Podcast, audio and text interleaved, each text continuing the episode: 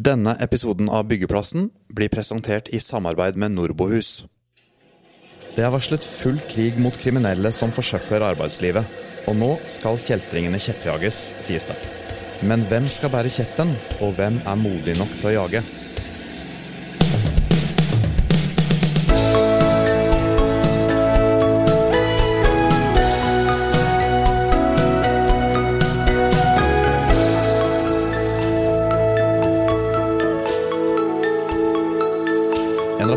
Samfunnsøkonomisk analyse som ble publisert i fjor høst, viser at det offentlige taper 28 milliarder kroner årlig på ulovlig virksomhet i arbeidslivet.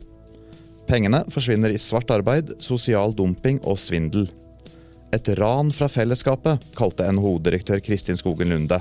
Og dessverre blir bygg og anlegg gang på gang trukket fram som en versting.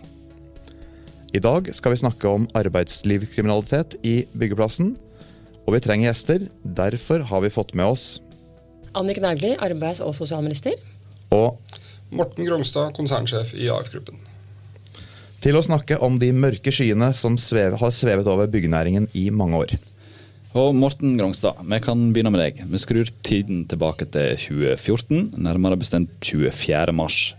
Du har fått plassert et videokamera foran deg, og på den andre sida av bordet så sitter to journalister fra Aftenposten, Sirgede Dahl og Einar Håkås med hver sin mikrofon. De har gravd lenge og vil vite hvorfor AF-gruppa har samarbeida med et kriminelt malerfirma. I et intervju med AF-gruppen sitt eget magasin AF-posten, som, eh, som eh, ikke må forveksles med Aftenposten, så forteller du at eh, dette intervjuet ble en oppvåkning for deg. Hva måte ble det en oppvåkning? Eh, Settingen i seg sjøl var så ubehagelig og direkte at det gjorde at i den grad du var trøtt, så ble du krystallvåken når du satt der. Eh, Jeg hadde forventet meg et vanlig intervju med en eh, enkelt journalist og ble møtt med kamera, to journalister og rett og slett eh, nesten good cop, bad cop-varianten. De hadde veldig klare spørsmål om det var et revolverintervju. Så det var den ene dimensjonen. Den andre var at jeg fikk jo tidlig en følelse av at de har mer kunnskap om en av våre byggeplasser enn jeg sjøl hadde. De hadde gjort mye grunnleggende research. Eh, Så noe av det var rett og slett at jeg oppfatta meg sjøl som på defensiven, og det ble ubehagelig som en dimensjon, det òg. Og det tredje perspektivet var for meg, og det visste vi jo for så vidt litt i forkant òg, men det ble for meg et sånt eh, nulltidspunkt på at hvis det er så fundamentalt ille hos enkelte aktører, og heldigvis var det bare enkelte, og det var kun ett gitt prosjekt for vår del, ja, da må vi ta et oppgjør her og nå. Eh, Vi uttrykker jo vår eh, forretningsidé og visjon at vi skal være kompromissløse til sikkerhet og etikk. Og da skal alle slike elementer ut. Så det gjorde at jeg der og da opplevde det som veldig tydelig. Her har vi en jobb vi skal gjøre, og den skal vi gjøre fort. Du tok det litt personlig. Hva eh, tiltak setter deg i verk, og hva, hva gjorde du eh, personlig for å engasjere deg i de tiltakene? Jeg tror at Det du blir berørt av personlig, det har du mye lettere for å både engasjere deg i og være kraftfull for. og Sånn ble det for meg. for Jeg oppfatta det, og de som har sett det intervjuet, ser en veldig ubekvem, vandrikkende Morten Grongstad som ikke føler seg liksom på toppen av pyramiden i det hele tatt. Eh, Det andre perspektivet var at vi fikk egentlig, og det tror jeg hele bransjen fikk et sånn ordentlig sannhetens øyeblikk for hvor fundamentalt og systematisk det kriminelle arbeidet var hos enkelte aktører. Og det gjorde at vi iverksatte eh, rutiner for prekvalifisering, vi var tydeligere på kontroll, vi innførte sågar et eget internt eh, arbeidstilsyn.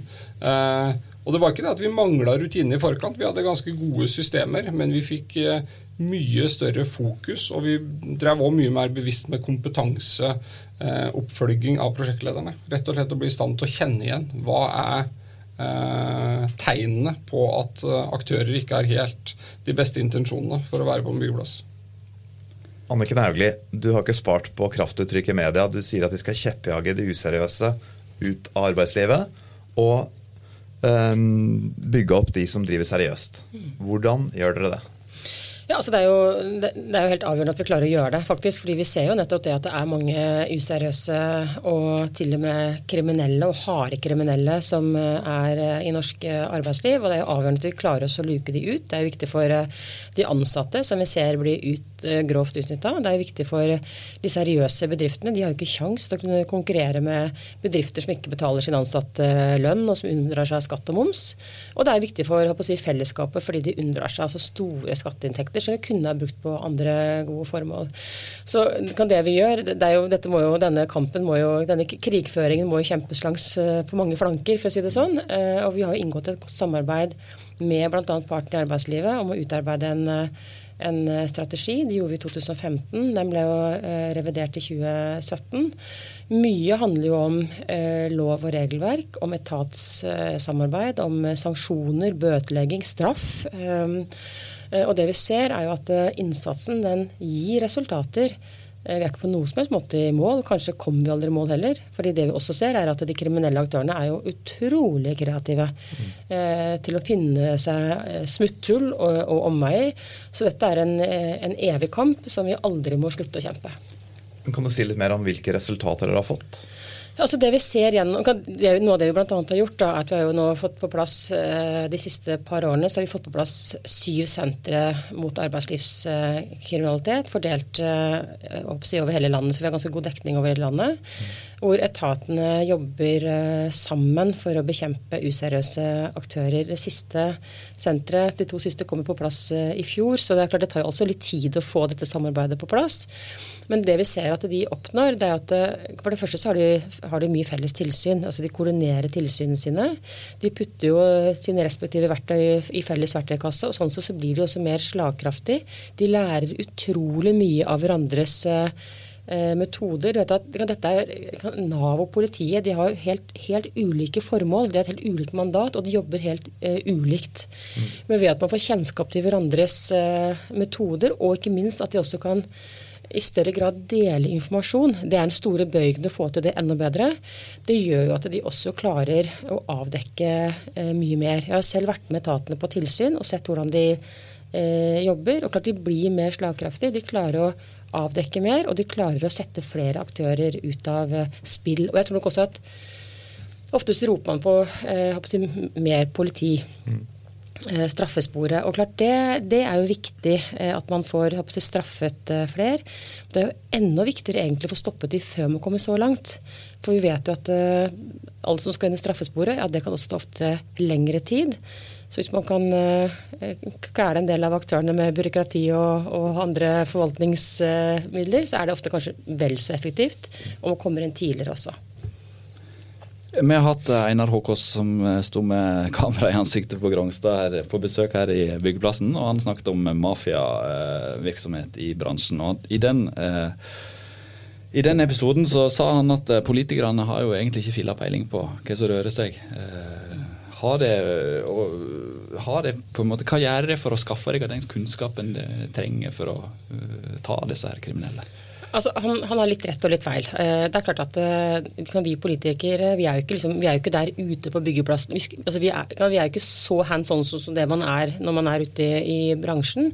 Men samtidig vil jeg også si at gjennom samarbeid med partene, gjennom bransjeprogrammene og ikke minst også gjennom egne etater, så får vi jo ganske mye informasjon opp i linja om hva som foregår. Men det vil alltid være en utfordring å være i forkant man vil på mange måter bli løpende litt etter, nettopp fordi at mange av disse aktørene de er kreative og de finner eh, smutthull. I det øyeblikket hvor vi lukker én dør, så klarer de å på en finne en, en, eh, en, annen. Men vi får mye informasjon opp i, av etatene våre, og vi får også mye informasjon fra partene, bl.a. gjennom de ulike bransjeprogrammene. Og den, det å ha den tette dialogen, det er jo helt uh, uvurderlig. Mange av tiltakene som uh, har kommet opp også i de strategiene, kommer jo også fra fra partene i arbeidslivet. Så det er viktig. Bare kommentere på det. Jeg opplever, jeg, som jeg selv var ærlig på, jeg syns Aftenposten leda på meg i 2014 på enkelte prosjekt på kunnskap. sånn at det at politikerne ikke har all innsyn i alt det som skjer operasjonelt, det bekymrer meg ikke som sådan, for det er egentlig andre i, i, i næringskjeden som bør føre et større ansvar for det. Men det som jeg tror er litt viktig, det er å finne fra myndighetenes side en god balanse mellom utredning og handling. Fordi vi trenger ikke nødvendigvis flere strategier og planer, men vi trenger noen konkrete aksjoner. Og så er det med etatssamarbeid fremme det konstruktivt, for det ligger så mye kunnskap i myndighetenes samlede forlengede armer etatsvis som ikke akkumuleres opp eller sentraliseres eller blir gjenstand for deling med private aktører.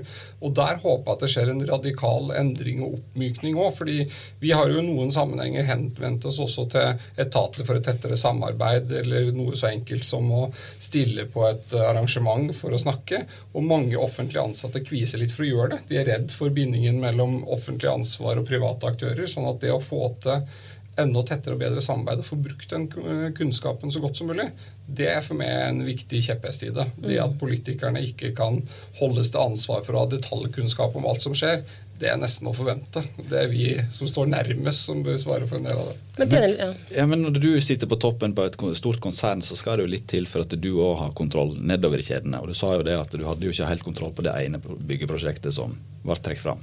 Hva gjør du da for å skaffe deg den der oversikten? Du har vel skjedd en endring der etter 2014, sikkert? Ja, så, som jeg nevnte, Vi hadde jo egentlig ganske velfungerende systemer forut for også, men jeg tror vi ble tatt på senga av hvilken både smartness og dedikasjon de kriminelle hadde til å faktisk bruke våre arbeidsplasser til helt andre formål enn å utføre håndverksarbeid. Eh, så det handla om bevissthet. Det andre handler om at egentlig så fikk vi en, en liten tilnærming der, det, der, vi snarere forenkla enn å kompliserte. Vi ble enige om hva er de hovedtiltakene som er effektive. Jo, det å ha et godt kontrollregime før vi får en entreprenører inn på våre byggeplasser gjennom samarbeid med startbank og dokumentasjon. Det handler om å gi opplæring til våre ansatte om hva du ser etter. Ikke minst så handler det om å utøve kontroll. Så det at vi faktisk har folk nå som går ute på våre egne byggeplasser og er et slags internt arbeidstilsyn, har vært veldig effektivt. Og så er det én ting som virker hver gang. det er at Hvis ledelsen bryr seg om noe i en organisasjon, så blir det ofte også fokus i organisasjonen. Og Det er både politisk og det er i privat næringsliv. Så det faktum at vi har hatt det trykket fra toppen og ned med at det her er for oss en enkel nullvisjon. Det er det eneste som duger. Ingen kriminell aktivitet, ingen uønsket aktivitet på våre byggeplasser. Det smitter over tid. Eh, og vil da medføre at det er systemet og det som virker eh, i alle nivåer i AF-gruppen, som kommer til å være eh, det som for oss, om ikke løser det fullt og helt, men i hvert fall bringer oss nærmere målet. Det er ikke Morten Grogstad alene som gjør det her. Vi tar en liten pause for å få et par ord fra våre samarbeidspartnere. Visste du at Nordbohus bygger både leiligheter, rekkehus og eneboliger? Visste jeg vel. Kan du slagordet deres? Ja, Nordbohus er bygd for å vare. Hva mener de med det?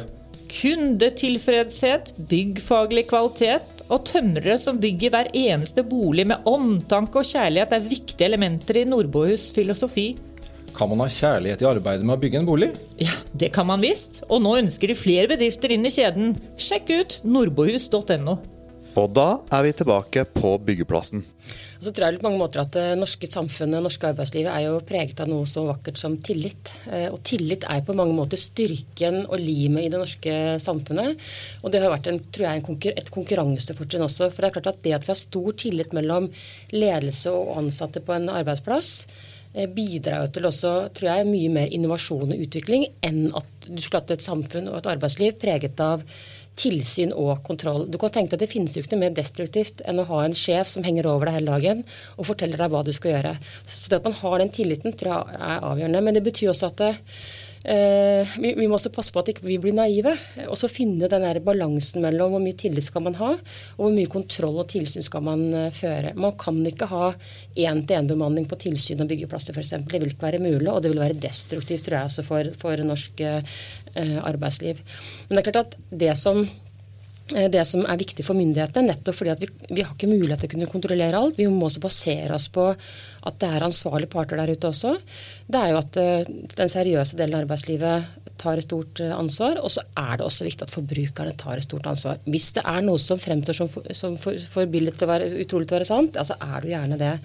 Og vi forbrukere har jo ganske lang vei å gå i å bidra til at seriøse aktører faktisk får et uh, større fotfeste uh, enn det de har i dag. Du kan tenke deg på privatmarkedet. Ikke bra. Der er det så mye svart arbeid, uh, og forbrukere kjøper svart arbeid en masse uten å rødme. Og Det mener jeg er eh, noe som vi faktisk må ta inn over oss. at Skal vi klare å bekjempe dette, ja, så må faktisk vi også eh, være med på det. Men de offentlige, altså de offentlige velger jo veldig ofte lavest pris. Og basere seg på tillit, som vi har gjort tidligere, om at alle konkurrerer på like vilkår. Men vi ser jo veldig ofte at når man baserer seg på lavest pris, så åpner man på en måte døra for en del gråsoneaktører. Nettopp fordi vi har kanskje for stor tillit.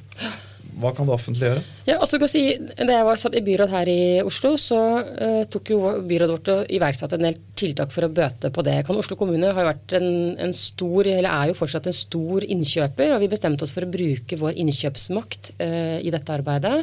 Uh, og Da satte vi bl.a. både krav om lærlinger og også krav til antall underleverandører, nettopp for å bidra. For vi, Ut fra en antakelse om at seriøse aktører tar samfunnsansvar, altså de tar inn læringer. Useriøse aktører tar i mindre grad samfunnsansvar og ikke ja, lærlinger. Da vi kom inn i regjering, så kopierte vi på mange måter det vi hadde gjort i Oslo i vårt anskaffelsesregelverk, nettopp for å stimulere til at de seriøse aktørene skal inn. Nå hører jeg også at jeg hørte fra eh, Maskinentreprenørenes forbund i går at nå, problem, nå, nå, skjer det så mange prosjekter at det er problemer med å faktisk få inn lærlinger. Eh, men det er for så vidt positivt. Det betyr at det også kanskje eh, vil øke trykket på utdanning nettopp til eh, yrkesfagene. Og vi trenger jo enda flere eh, yrkesfagstudenter også, eller elever. Når eh, Anniken Hauglie har sånn setter sånne krav som de gjør, f.eks. gjorde i Oslo, da, eller har gjort der. Eh, så får det noen praktiske konsekvenser for de som er ute på arbeidsplass. Hva, sånn Toledds uh, underentreprenører sånn, hva gjør det med, med arbeidshverdagen din? Altså Hovedgrepet, og det har vi jo kommunisert Vi hadde møte med Oslo kommune forut for at de tok, uh, tok sine beslutninger og de rådførte seg med en del entreprenører. det at vi Uh, syns det er bra vi med kunder som setter tydelige krav og like krav. Det er egentlig det som er det viktigste. Uh, at det er likt for alle aktører. Uh, det er noen praktiske forståelser av hvordan verdikjeden er bygd opp, som gjør at du må, må, skjønne hvordan ventilasjonsleverandører jobber med kjøkkenleverandører som jobber med montører, bare så du får en komplett leveranse. Men Det er håndterlig, men det handler om en sånn praktisk bransjeforståelse, sånn at man får effektive regler. men så tror jeg at man i tillegg må tenke på ja, hva hvis vi knepper til på ledd og lærlinger, men fortsatt er det 100% pris vi konkurrerer på? Så mener man at da mener jeg personlig i hvert fall, da får man ikke like mye effektive tiltak i det seriøse perspektivet som om man f.eks. hadde kombinert med å sagt at vi vil prekvalifisere noen aktører. Så skal det konkurreres på delt pris, delt på gjennomføringsmodell eller annet, slik at du også får brakt inn kvalitetsdimensjoner eh, i leveransebeskrivelsene. For jeg tror at uh, vi må i hvert fall være obs på at eh, de kriminelle de innretter seg litt etter etter lovkravene og endringene. Og hvis det fortsatt er pris som er det eneste man konkurrerer om, ja, så vil de klare å få et fortrinn hvis de evner å kalle skjule sin, eh, sin kriminelle virksomhet innenfor de rammene som det er lagt. Og så trenger en av og til innleie når en skal få, eh, få, ting til å fungere på en byggeplass. Det, det vil jo være veldig rart å snakke om arbeidslivskriminalitet eh, og ikke om innleiedebatten som har rulla og gått nå de siste ukene og lenger enn det òg. Eh, du fikk ikke det sånn som du ønska i Stortinget, Anniken Hauglie. Hva var det du ønska deg, og hva var det du fikk? Ja, uh, Dette har vært en sak som har uh, pågått i flere år. Jeg fikk det i fanget da jeg kom inn i regjering for to og et halvt år siden. Og utfordringen med den innleiesaken har egentlig vært at det har vært utrolig stor uenighet mellom partene, altså mellom arbeidstaker- og arbeidsgiversiden, om hva som er problemet og hva som er løsningen. Altså jeg, tror man, jeg, tror nok begge partene har sett at altså man har hatt en utfordring med innleie. altså At, det, at det har vært eh, altså innleie liksom bredd om seg, kanskje særlig bygg- og anleggsbransjen, og særlig i Oslo. Um, men det har vært litt sånn uenighet om på en måte problemet har vært stort nok til at du skal gå inn og regulere. For det er jo, skal du regulere, så man vet jo ikke helt hva, som, hva det vil føre til heller. Det som vi etter lang prosess med partene kom fram til, det var jo at, eller som vi foreslo og sendte ut på høring, det var at vi skulle stramme til på Eh, definisjonen på fast ansettelse. Og det var jo for å bli kvitt de såkalte nulltimerskontraktene. Altså kontraktene hvor du, får, hvor du, ikke får lønn mellom oppdrag. Så det var, og det, bare det i seg selv ville jo ha ført til en ganske kraftig innstramming på, den, på det som mange, også arbeidstakersiden, mente var et problem. Kontrakter hvor det var litt sånn lua i hånda. Men samtidig så, uh, så vi også at når vi strammet inn så mye på den, på den definisjonen på fast ansettelse, så ville det også gjøre det vanskeligere for bemanningsbyråene å også leie ut uh, til helt ordinære vikariater. Altså når Manpower skal leie ut én pga. sykefravær. Det var veldig vanskeliggjort også det. Og da sa vi at ok, for å, gjøre, for å fortsatt gjøre det mulig for bemanningsbyråene å kunne leie ut til helt legitime vikariater, Eh, så foreslo vi um, å åpne adgangen for dem til eh, midlertidige ansettelser. Og det er også fordi at man har jo også ganske mange grupper som er vikarer, som ikke ønsker å jobbe hele tiden, altså studenter. Jeg har jo selv vært jobbet i Manpower som student. Jeg, jeg vil jobbe etter eksamen, men ikke før. Og klart, Er du fast ansatt eh, med arbeids, eller hvor du får lønn mellom oppdrag, ja, så har du også arbeidsplikt. Så vi ønsket oss å liberalisere på, på det når det var reelle vikariater. Og så kom diskusjonen opp sant, at arbeidstakersiden ønsket forbud mot innleie. Eh, og det tenkte at det ville jo være gjøre det nesten, ikke bare nesten, men helt umulig for store deler av norsk eh, arbeidsliv. Det er bare å ta seg tur nordpå og spørre hvordan de skal få tak i arbeidskraft. De har ikke nubbesjans til å få tak i arbeidskraft. De er nødt til å, å leie inn, og det ser vi også i mange bransjer over hele landet. Så vi foreslo i utgangspunktet en sånn kvote. At, det, at du ikke kunne ha flere enn så og så mange prosent eh, leid inn. Men det var det stor uenighet om eh, i høringsinstansene. Det var det ingen som ville ha. Um, og da endte vi opp for så vidt uh, etter uh, veldig sterke signaler fra Stortinget om at de ønsket kraftig lut, og da foreslo vi å heve avtalenivået for bygg- og anleggsbransjen, hvor da på en måte også problemet var definert som størst. Det sa Stortinget også nei til, så nå har de hevet avtalenivået for alle bransjer i hele landet. Det betyr at det skal du kunne leie inn. Og så må du ha eh, avtale, altså du må, du må ha tariffavtale med landsdekkende fagforening. Så klart det vil innebære en kraftig innstramming på innleiemulighetene for alle bransjer. Eh, det blir spennende å se hvordan det utarter seg. Jeg er ikke så bekymret for de store virksomhetene, verken i privat eller offentlig sektor. De har stort sett den type avtaler som gjør det mulig å, å leie inn. De har HR-avdelinger også, for så vidt, til å kunne uh, ordne den type ting selv. Men klart, jeg vil nok tro at for små og mellomstore bedrifter landet rundt, så vil det nok bli vanskeligere, fordi mange av de har jo ikke tariffavtaler. Det er jo de ansatte selv som bestemmer om de skal ha tariffavtale. Eh, de har heller ikke HR-avdelinger til selv å sette inn avisannonser og til å, å si, organisere ringevikarer og sånn. Så jeg tror nok at det vil bli ganske mye vanskeligere for dem. Men det blir spennende å se nå hva det vil føre til i realiteten. Men det er en kraftig innstramming, det er det. Hva vil det føre til for AF-gruppen? Det var jo litt som ministeren inne på at For vår del så er jo i den grad vi bruker innleie, og det er faktisk ganske beskjedent så har Du fikk kjeft nå nylig på Nasjonalmuseet for at du brukte altfor mye ville tillate meg å si var delvis ubegrunnet. Men, men uh, det er nettopp fordi vi har lav innleiegrad, vi har tariffavtaler. De innleieavtalene vi gjør, det gjør vi i forståelse med de tillitsvalgte og etter avtaler. Uh, fordi det er spesifikke behov. Og, du kan si det er to ting, Jeg skal ikke gå inn i den politiske debatten rundt det, men, jeg, min følelse er at forbudet mot innleide har fått en litt sånn uh, Kall det for stor oppmerksomhet i forhold til hvor effektivt det tiltaket virkelig blir, og hvordan bransjen igjen praktisk fungerer. Uh, men jeg må få adressere nasjonal først. og Grunnen til at jeg føler at den kritikken ikke traff sånn klokkerent, det er at for det første AF-gruppen har lite innleie totalt sett, og vi har en sterk økning i antallet fagarbeidere og egenproduksjon. Og Det har vi hatt de siste fire-fem årene og har en helt klar strategi på. Vi ønsker egne folk. Vi ønsker flere lærlinger. Vi har over 100 pluss nå. Eh, det er den veien vi ønsker å gå. Det andre er at akkurat den framstillingen så blander man to ganske sentrale ting. Man blander det at AF-gruppen som entreprenør, og vi ble forsøkt framstilt som hovedentreprenør, det er vi ikke. Vi er hovedbedrift, men vi har kun tre av 27 kontrakter. Eh, nemlig at vi bruker underentreprenører, som igjen har egne faste ansatte. Spesialbedrifter, Ellingar, Naturstein f.eks., som er fantastisk gode til å legge stand. Man blander det med innleie, og det at store bedrifter bruker andre mellomstore bedrifter som samarbeidspartner prosjekter med, eh, der de eh, underentreprenørene våre har egne fast, fast, ansatte, ikke bruker innleie. Så på en måte baker man det inn i samme begrepet, for man snakker om bortsetting og innleie som om det samme delen. Som om AF-gruppen har satt bort 80% av produksjonen til innleie og bemanningsforetak. Det er overhodet ikke tilfellet. Eh, og det andre perspektivet som jeg tror er litt viktig, det er at eh, for en del av vår bemanning, og kanskje type symbolbygg som Nasjonalmuseet spesifikt, det kjennetegnes ofte av veldig mye spesielle materialvalg, spesielle arkitektoniske løsninger. Eh, type fagkompetanse som vi er nødt til å etterspørre hos underentreprenører. Og da ender vi opp med å bruke mindre egenproduksjon på deler av kontraktene. Vi brukte veldig mange egne på første kontrakten. Da hadde vi over 100 betongarbeidere pluss, tenker jeg, nede der. Eh, og da tror jeg man, man skyter litt uh, utafor blinken når man prøver å ta det til inntekt for at innleieforbud er det som løfter bransjen. For det er to ting som skjer. Det ene er at vi må ha veldig tydelig fokus på igjen likhet for hvordan du bruker arbeidskraft i Norge. Og det andre ryddige arbeidsforhold for bemanningsforetakene. Se på hvordan kan de fremme større lærlingandeler. Hvordan kan de få tariffavtaler der hvor det er hensiktsmessig og mulig. Eh, og litt som ministeren var inne på, det fins fortsatt folk som ønsker mer fleksibel arbeidshverdag enn fast jobb hele året rundt, av ulike skjell.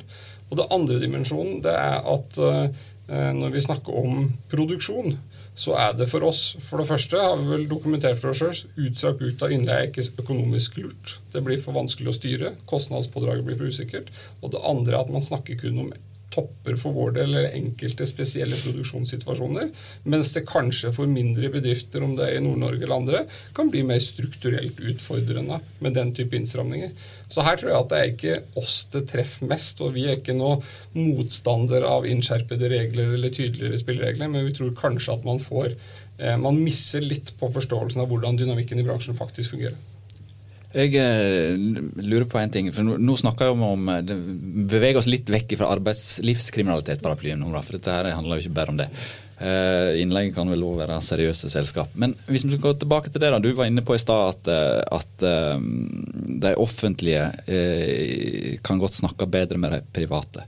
Men kan ikke de private snakke bedre sammen nå? At du kan samarbeide litt med Skanska og du kan samarbeide med Veidekke og fortelle her har vi en aktør på våre byggeplasser som ikke du bør ta inn på dine? Absolutt. og jeg tror at bransjen totalt sett er helt enig om at på seriøsitet og etikk og på sikkerhet så konkurrerer vi ikke, da samarbeider vi. Det er ingen grunn til at vi skal prøve å, å måtte bli, skape innbyrdes konkurransekraft på de områdene. Eh, vi har vel vært i, i, publisert her før rundt HMS-reg som et felles samarbeidsplattform, egentlig. Kom ut av Oslo kommune nå, et initiativ der på å lage et et registreringssystem som gjør at man kan dele eh, informasjon om underleverandører og vite at man jobber med ryddige aktører. Og der vi igjen kan samarbeide der har jo både Skanska, Veidekke og AF gått inn og sagt at det systemet ønsker vi å bruke. Da får det litt skala, så får det litt effekt. Og så underletter vi også da de underleverandørene som skal inn og legge inn informasjon. For de brukes jo ofte av alle oss riksentreprenørene. Da blir det lettere for dem å legge inn informasjon én gang og bruke den likt. Og så er det andre som jeg har lyst til å si i forhold til hvorfor vi syns at egenproduksjon og det å ansette flere egne, ha flere lærlinger, er konkurransedrivende i positiv forstand. Og det er flere forhold til. Det ene er at vi da har god kontroll på både produksjon og kvalitet.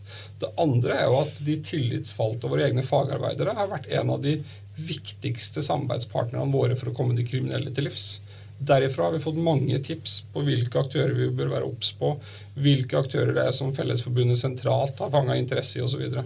så samspillet mellom egentlig det her eh, trepartsforholdet i norsk, i norsk eh, samfunn og, og, næringsliv og det her tillitsbaserte forholdet de ansatte imellom òg er en styrke for oss til å komme det her utfordringen til livs. Og Det er derfor vi syns det er veldig fint å ha mange egne på byggeplassene våre. Da har vi også de facto litt bedre kontroll. Hvordan opplever du samspillet med byggenæringen? Eh, veldig godt. Eh, Altså, jeg syns generelt sett at trepartssamarbeidet i Norge er veldig godt. Og det er på mange måter gullet i, i, arbeidslivet vårt som vi ikke skal uh, undervurdere betydningen av. Og som jeg mener det er viktig at alle egentlig også hegner om. Var, I fjor så hadde Norge en sånn, et sånn sidearrangement på ILOs konferanse i Genéve om trepartssamarbeid, hvor hvor da, LO, NHO og regjeringen ved meg da, hadde et sånt eget arrangement hvor vi snakket om trepartssamarbeid. Og vi tenkte at ja ja, blir det noe særlig besøkt her da, liksom? Eller blir det bare våre egne norske delegasjoner som pisker inn uh, våre til å møte opp? Og det var altså stinn brakke. Folk sto langs uh, veggen. Uh, og vi fikk utrolig mange spørsmål, og ingen av spørsmålene kom fra Nord-Europa. Alle kommer fra gjerne altså land utenfor Europa. Så det trepartssamarbeidet er virkelig gull verdt. Men det betyr jo ikke at det alle, at, at, jeg kan gi begge parter eh, vilja si i ett og alt, for det vil ikke være mulig. Eh, det kan være at man er politisk uenig, og det kan være at man skal forsøke å balansere ulike hensyn. Og hele innleiediskusjonen var jo på mange måter et, eh, et forsøk fra vår side å nettopp balansere de ulike hensynene som var, de ulike interessene mellom partene på en sånn noenlunde god måte. Men eh, ja, så Da var jo Stortinget for så vidt litt strengere da. Men, men, men samarbeid med partene vil jeg si er veldig godt. Både gjennom bransjeprogrammer og gjennom både eh, Vi har jo kontaktutvalg og vi har mange arenaer som vi samarbeider på som er viktig og helt uvurderlig.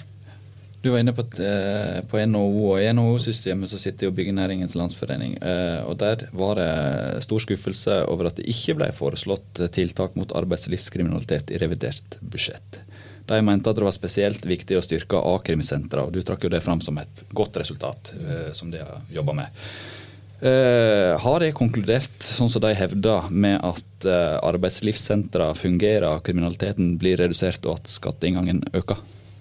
Ja, altså Vi ser jo at sentrene, eh, at sentrene fungerer, og at de, at de, bidrar positivt til å bekjempe useriøse aktører. Men det at man ikke har lagt inn penger i revidert, betyr jo ikke at man ikke prioriterer a-krim. Det betyr jo bare at revidert da er revidering av et budsjett. Det er jo ikke der de store nye satsingene ligger, de kommer i de ordinære budsjettprosessene.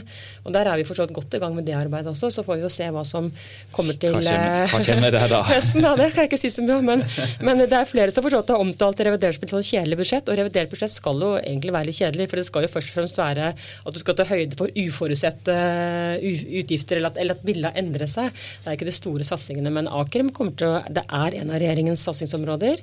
Eh, ikke bare på kroner og øre, men også på lov, regelverk og hjemler. ikke sant? Kompetanse. Og det kommer til å være satsingsområde også framover, for det er helt nødvendig. Men for å ikke være useriøse og holde tidsskjema, så runder vi av der. Takk til gjestene våre, Anniken Hauglie og Morten Grongstad. Kristian Aarhus og Frode Aga ledet som vanlig byggeplassen, mens Alf Magne Hillestad hadde en stødig hånd på teknikken. Og ikke minst takk til deg som lyttet. Vi er snart tilbake med en ny episode av Byggeplassen.